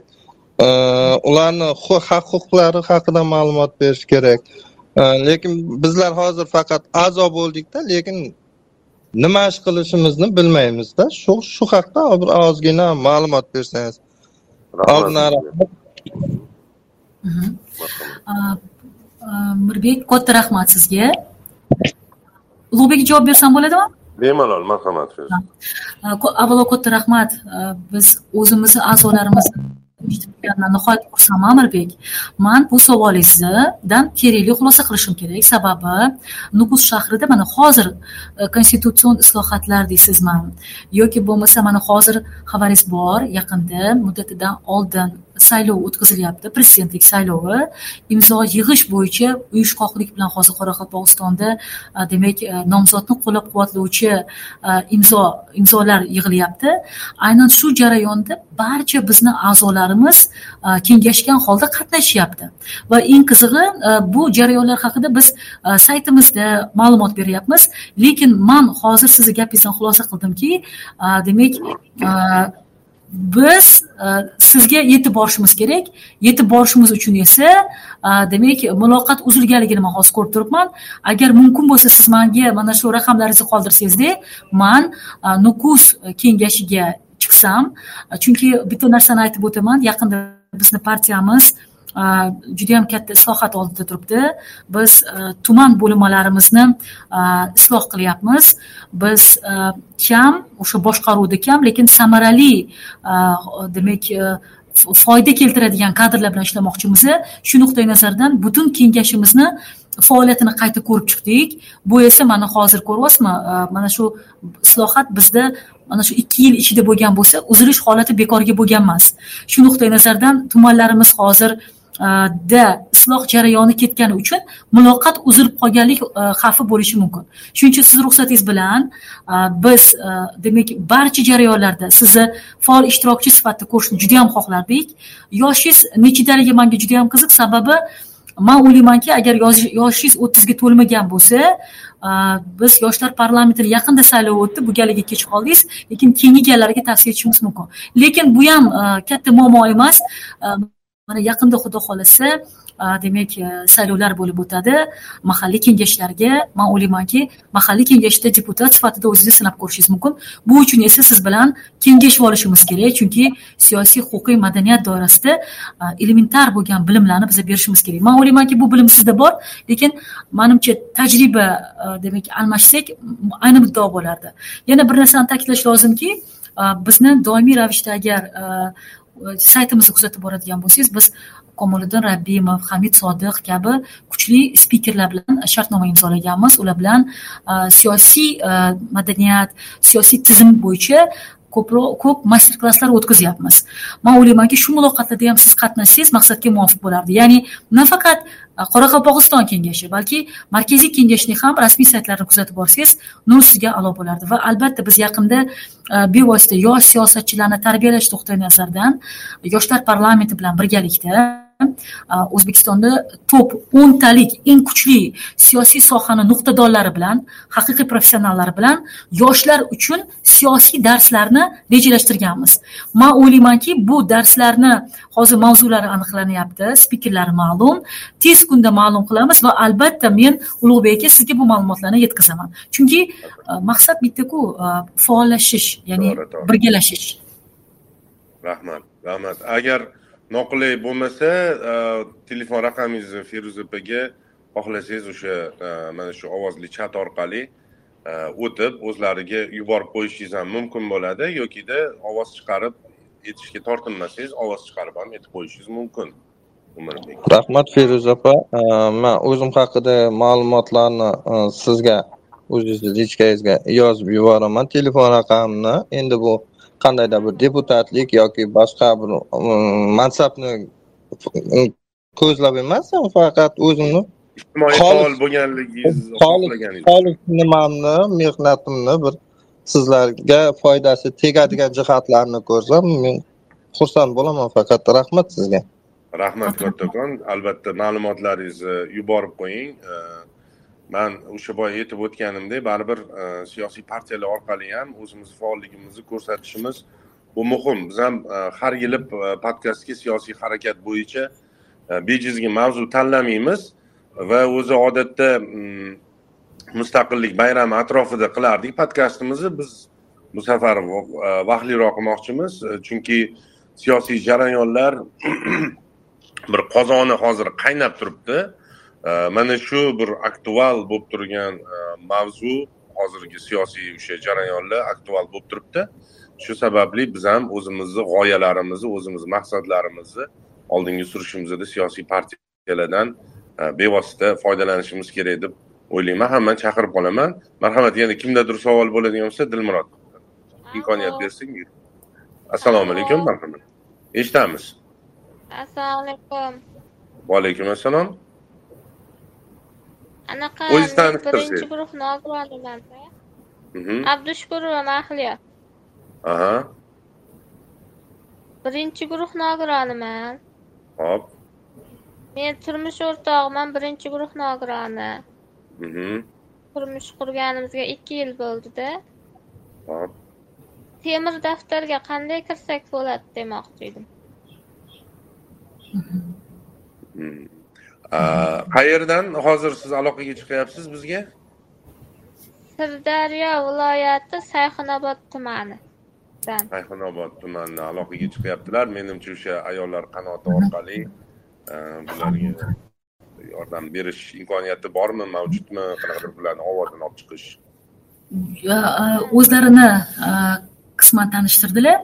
Man o'ylaymanki hozir raqamlarni qoldirsak bizni yurist konsultimiz bevosita e, demak savolga javob beradilar. Chunki bu borada muammo umuman yo'q. E, temir daftarlarga e, demak bevosita shaxslarni kiritish nuqtai nazaridan aniq normalar belgilangan va man o'ylaymanki bu borada muammo bo'lmaydi. Faqatgina bitta iltimos bo'ladi. Siz o'zingizni telefoningizni hozir qoldirsangiz ushbu masalani hal etishda deputatlarimizni demak biz vakolatidan foydalanamiz. Faqatgina sizni adresingizni berishingiz bizga kifoya. Va man hali aytganimdek ulug'bek aka bizda ayollar uchun maslahat degan botimizni yuboraman. Shu joyga bulardan tashqari kimda shunaqa savollar bo'ladigan bo'lsa biz javob berishga tayyormiz. Ya'ni aytmoqchimanki ushbu masalani hozir sirdaryo viloyati partiya kengashimizga yo'naltiramiz. Rahmat. Mahliyo sizda imkoniyat bormi feruza opani o'sha shaxsiy e, chatlariga o'zingizni telefon raqamingizni yuborish? Yo og'iz aka aytish bo'ladimi sizga ha bor bor. Mahliyo sizga rahmat katta savolingiz uchun. Albatta raqamingizni yana savolim bor bitta. Mhm. siyosiy harakat bo'yicha savol bersangiz yaxshiroq bo'lardi chunki biza e, fursatdan unumli foydalanib siyosiy harakat bo'yicha savollarni ko'proq ochib berishimiz endi anavi deyapmanda uy joy beriladimi deyapmanda sharoitimiz og'ir edi birinchi guruhda ikkalamizdan o'sha raqamingizni yuborsangiz sizga sayxonobod tumanidan e, deputatlarimiz aloqaga chiqishadi e, bemalol ular orqali siz o'zingizni o'sha e, bor huquqlaringizni tiklashingizga yordam berishadi imkon qadar. Albatta telefon raqamingizni yuborib qo'ying. Rahmat katta sizga. Sog' bo'ling. Rahmat mahliyoxon rahmat. Keyingi tinglovchimizni ulab berishni so'raymiz. Assalomu alaykum. Balandroq gapirsangiz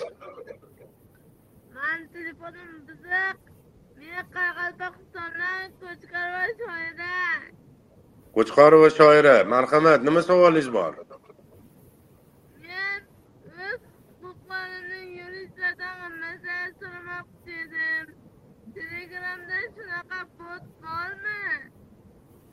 telegramda bot bor ekan albatta podkastimiz yakunlangandan keyin podkastimizga bag'ishlangan maqola ham e'lon qilinadi ikki uch kun ichida albatta o'sha maqolada botlar haqida aloqa e, o'sha vositalari haqida o'ta ma'lumotlarni berib ketamiz biz feruza opa bilan. Hamkorlikda ishni davom ettiramiz. U podkast bilan to'xtab qolmaymiz xudo xohlasa. Rahmat shoira sizga.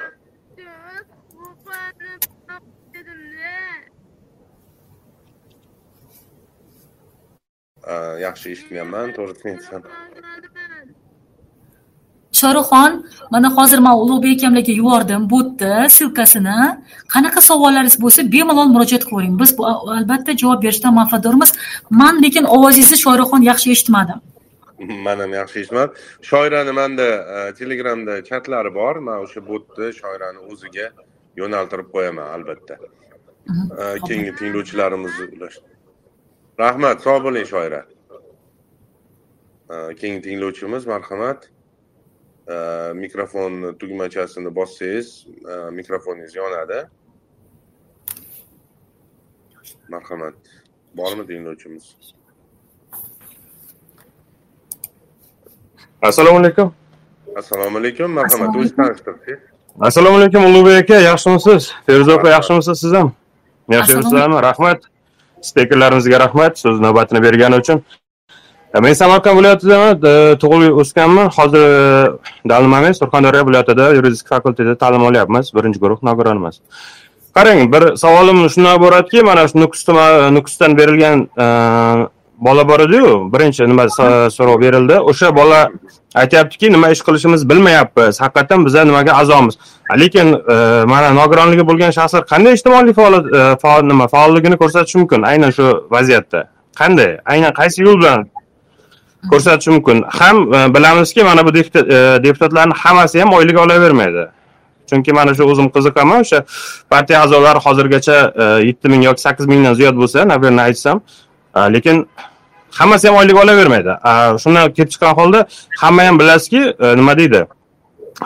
Mushuk nima deydi o'z o'zidan oftobga chiqmaydi degandek umuman hech kimni o'zi ishi ham bo'lmayapti. Просто bu qog'ozlarda qolib ketyapti demoqchiman. Aynan nima aynan bir majburiyat yuklanmasa odam yelkasiga nima ish qilishni bilmayapti aynan ko'p odam. O'shaning uchun agar e, iloji bo'lsa o'sha ijtimoiy faollikda bir yo'l yo'l yo'riq ko'rsatib yuborsangiz yaxshi bo'lardi.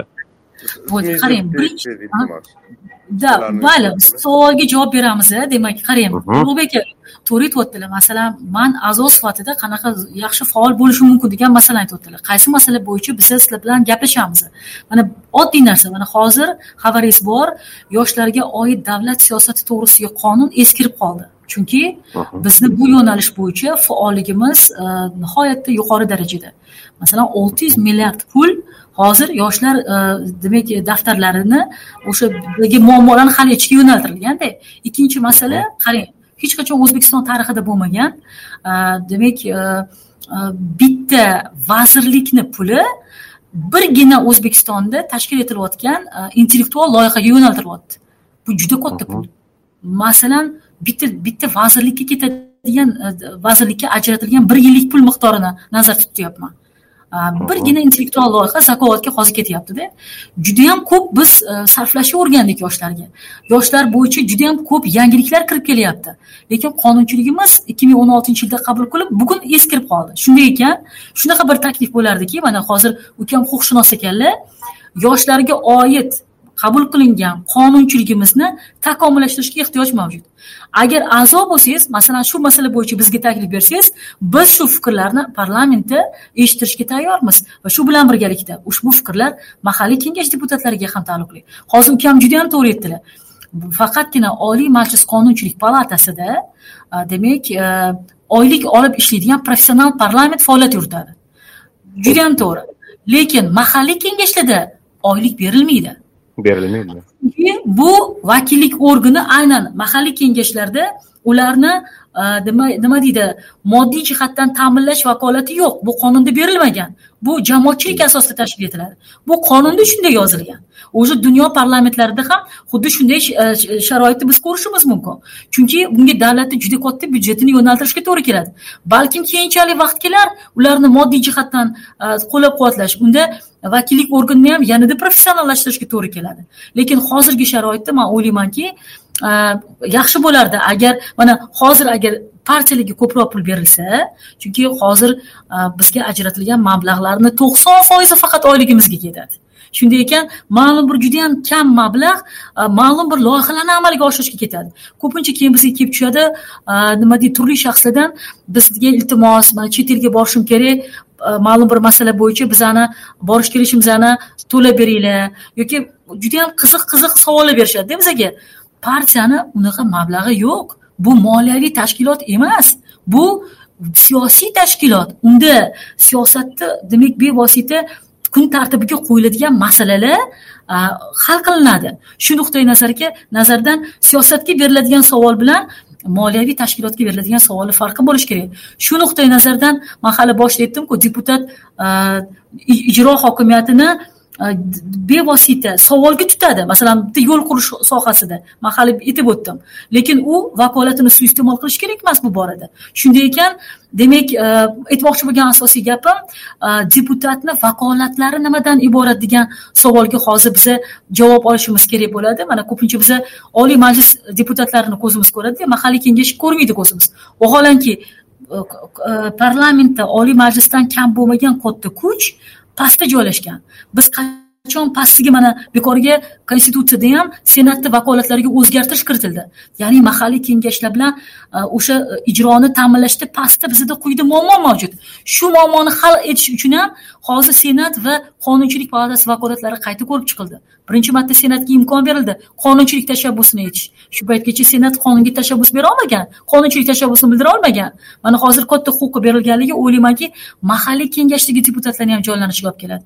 Bu esa o'ylaymanki mahalliy kengashni jonlanishi deputat statusini ko'tarilishi tom ma'noda mana shu e, deputatlik vakolatini ham nima deydi suiiste'mol qilmagan holatda amalga oshirishga olib keladi. Va man o'ylaymanki siyosiy savodxonlik ham mana hozir nafaqat oddiy shaxsga balki deputatlarni o'ziga ham qanchalik kerakligini ko'rsatyapti chunki hozir ko'ryapmiz mana bitta konstitutsiya misol qonunchilikka taklifni nafaqat deputatlar bera oldi nafaqat partiyadoshlar bera oldi balki partiyaga a'zo bo'lmagan qanchadan ko'p odamlar bera oldi. Shunday ekan man o'ylaymanki bu jarayonlarni tizimli tashkil etilishi hammamizni e, bugungi demokratiyani talablari darajasida yanada faollashishga yordam beradi. Man aytmoqchi bo'lgan asosiy gapim e, mana partiyamiz yaqinda deputatlarni moddiy jihatdan demak e, xolismi yo'qmi rag'batlantirishni to'la yelkasiga ololmaydi. bir ming ikki yuzga yaqin deputatimiz yaqinda biz e, o'sha bizga xos bo'lgan masalalar bor. Ta'lim tarbiya qadriyat oila masalasida e, faollik ko'rsatib moddiy madaniy meros obyektlarini himoya qilish. Mana shu masalada faollik ko'rsatgan bir guruh biz salkam oltmishga yaqin deputatlarimizni rag'batlantirishga erishdik. Lekin bu judayam kam. Bir ming ikki yuztani ichida bu judayam kam. Shuning uchun man o'ylaymanki navbatdagi bosqich siyosiy partiyalar faoliyatini moddiy jihatdan qo'llab quvvatlashga qaratilishiga man ishonaman va tez kunda siyosiy partiyalar faoliyati to'g'risidagi ham qonunlarga o'zgartirish kiritiladi va uni moddiy jihatdan e, nima desam ekan e, qo'llab quvvatlovga alohida e'tibor qaratiladi. Chunki xohlaymizmi yo'qmi biz bugun e, siyosiy innovatsiyalar davrida ham yashayapmiz. Hozir ko'ryapsiz prezident ham kerak bo'lsa o'zini vakolatlarini senat bilan bo'lishyapti qonunchilik palatasi bilan bo'lishyapti katta islohotda ketyapti. Aynan shu jarayonda man o'ylaymanki deputatlik vakolatiga ega bo'lgan bizni odamlarimizni moddiy jihatdan qo'llab quvvatlash ham bizni kun tartibimizda bor. Rahmat kichkina qo'shimcha qilib ketmoqchi edim. Savol berdilar qanday qilib biz faol bo'lishimiz mumkin degan savol bor edi. Kontekstda o'zi umuman e, boya feruza opa sanab o'tdilar bir qancha e, insonlarni. Misol uchun ma'mur ahliddinov.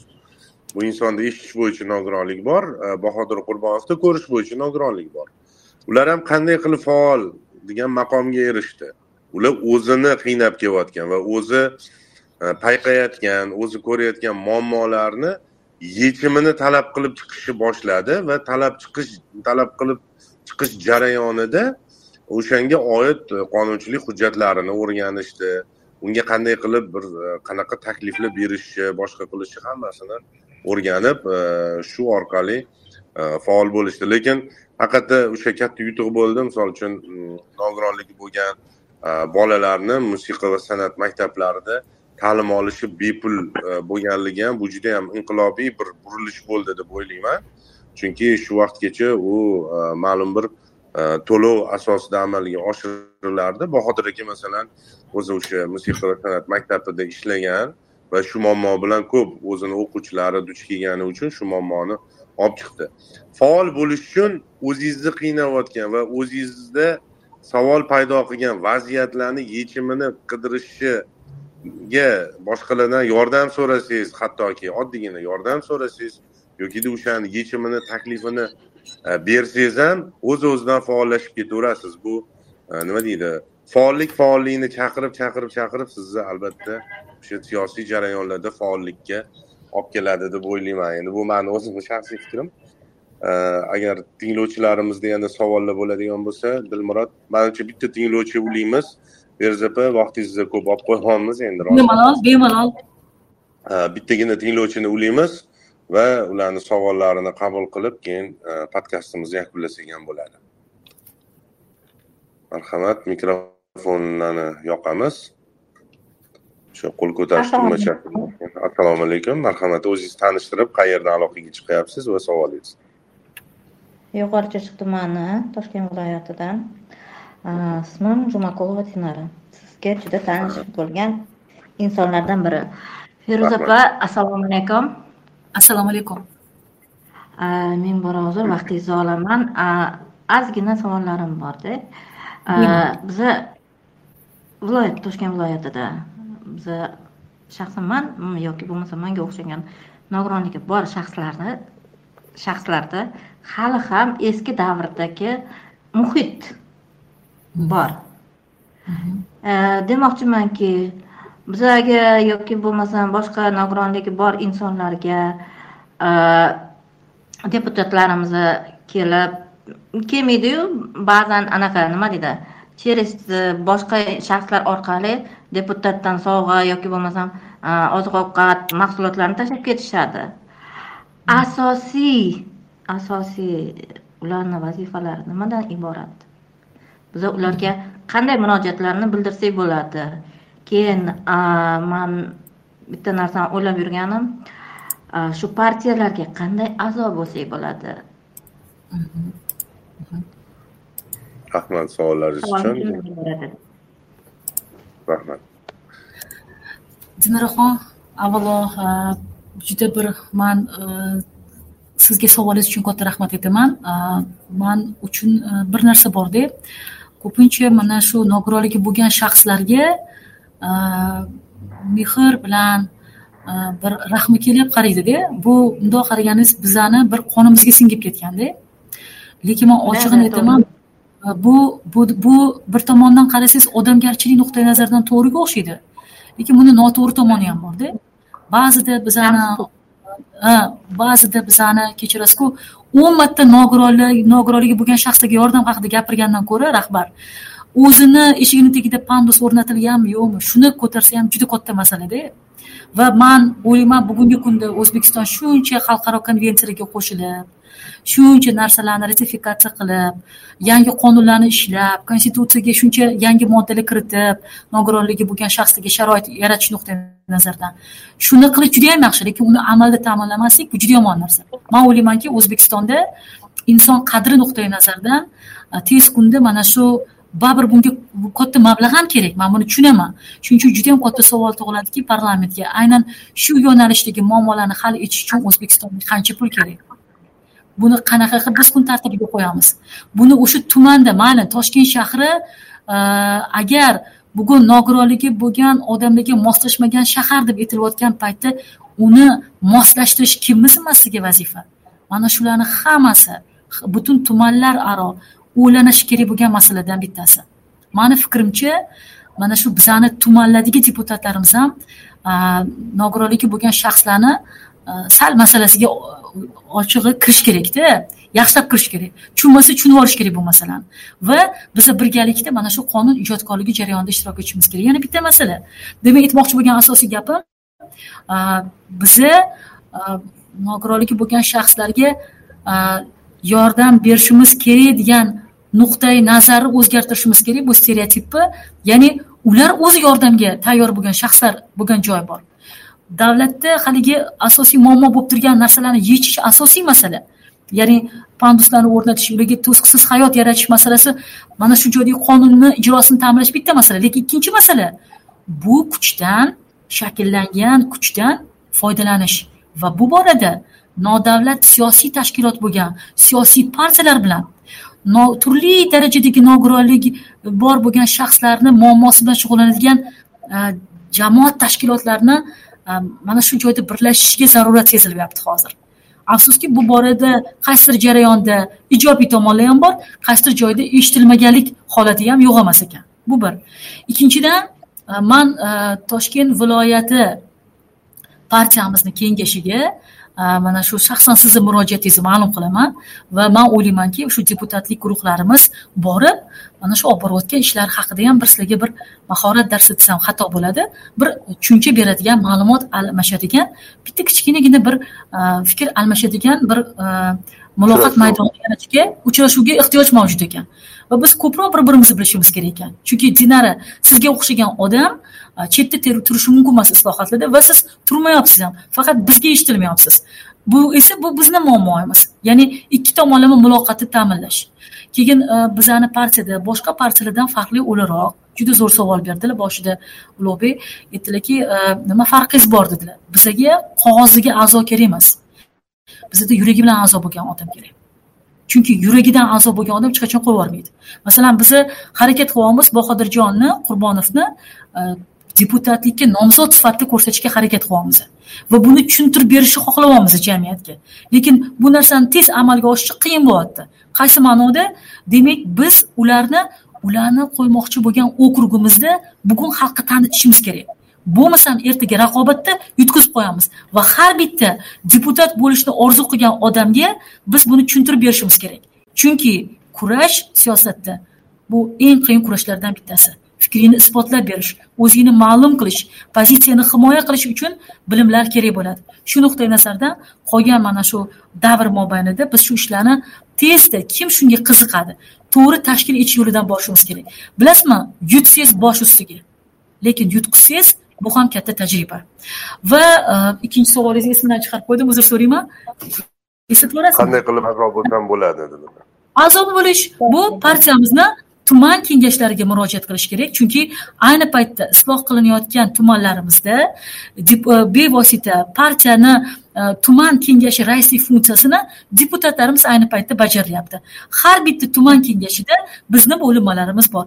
Ana shu bo'linmaga borib turib o'zingizni e, demak bildirsangiz mana shu niyatlaringiz borligini biz uni tezda rasmiylashtirib bo'ladigan barcha majlislarimizda yig'ilishlarimizda mitinglarimizda uchrashuvlarimizda siz bilan hamkorlikni yo'lga qo'yamiz. Buning uchun siz ham faol bo'lishingiz kerak. Mana mirbek aytdilarku ikki yilda beri menga hech kim e, munosabat bildirmaydi degan bir fikr aytdilar e, agar shunaqa bo'lmaganda eshikni taqillatish sizlardan ham. Chunki hamma joyga birdaniga qo'limiz yetishi bizni ham qiyin bo'ladigan holatlari yo'q emas. Chunki biz ideal partiya emasmiz. Bizda ham qandaydir muammolar bo'lishi mumkin? Muloqotda tushuntirib berishda masalan oddiy narsa. Ulug'bek akam e, manga konkret savol qo'ydilar va ularni savollari mani e, nima deydi muloqotga kirishimga sabab bo'ldi. Man o'ylaymanki savol aniq qo'yilsa javob ham shunga qarab turib olinadi. Va Dina- man iltimos qilaman. Boshqa partiyaga o'tib ketmaysiz degan umiddaman. Biz muloqotga kirishga tayyormiz. Mani e, topish ham juda yam oson. Hozir man e'lon qildim. Boshqa partiyaga o'tib ketmaysiz degan umiddaman.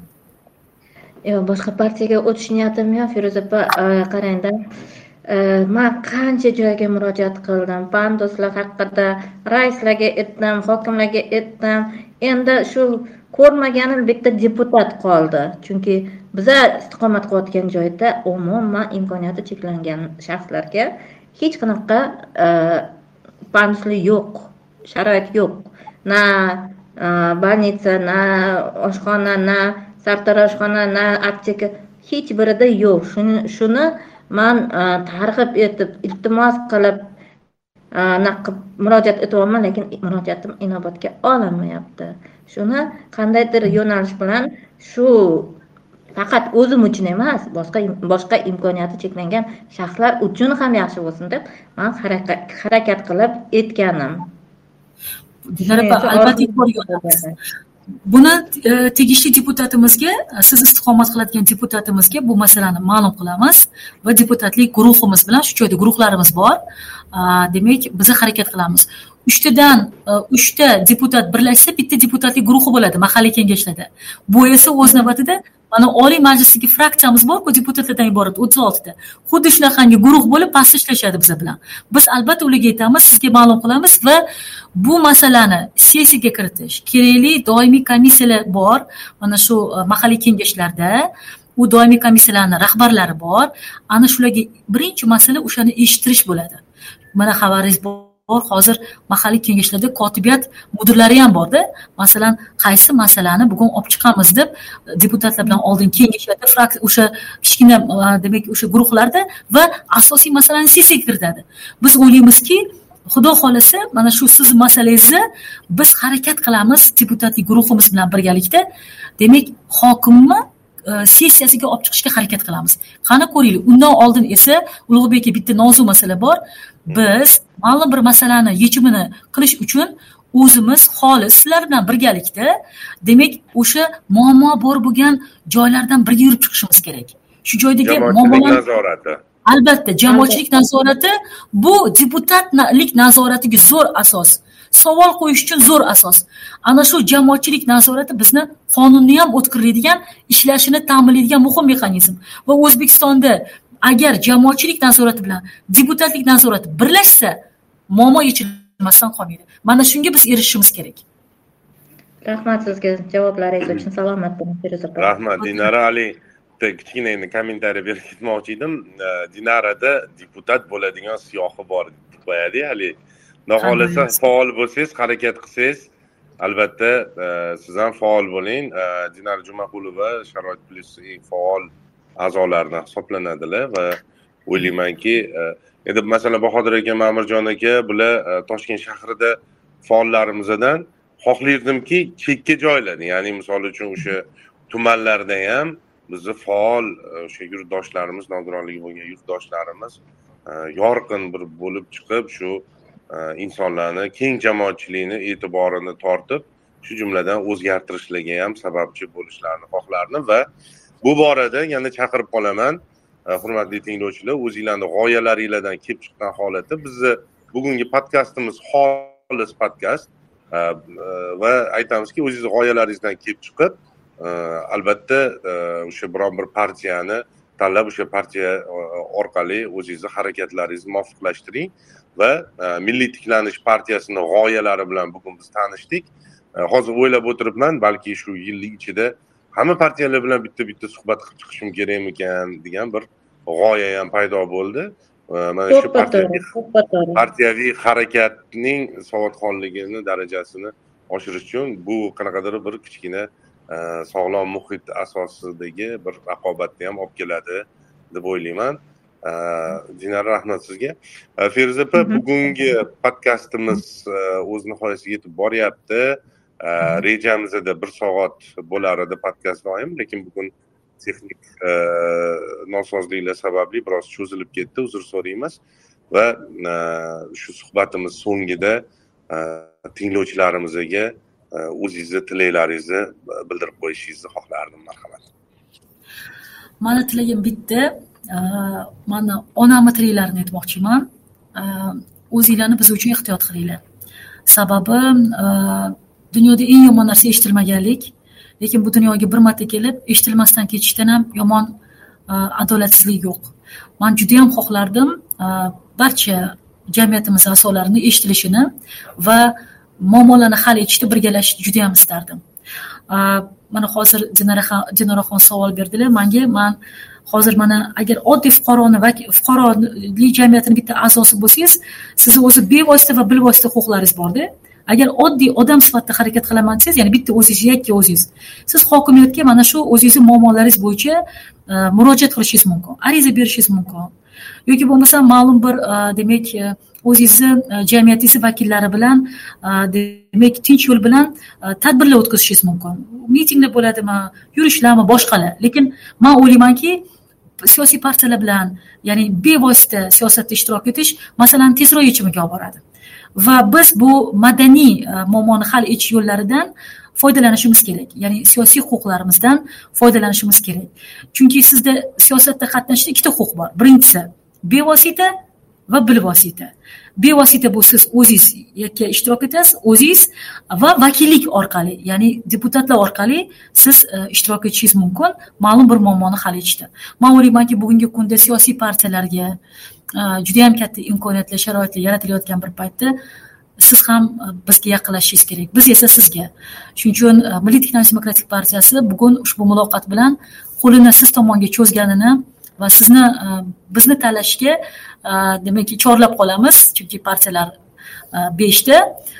Lekin milliy qadriyatlarga o'zini e'tiborini qaratgan partiya bu aynan milliy tiklanish. Va milliy qadriyatlarni yashab qolish uchun harakat qilayotgan partiya ham milliy tiklanish.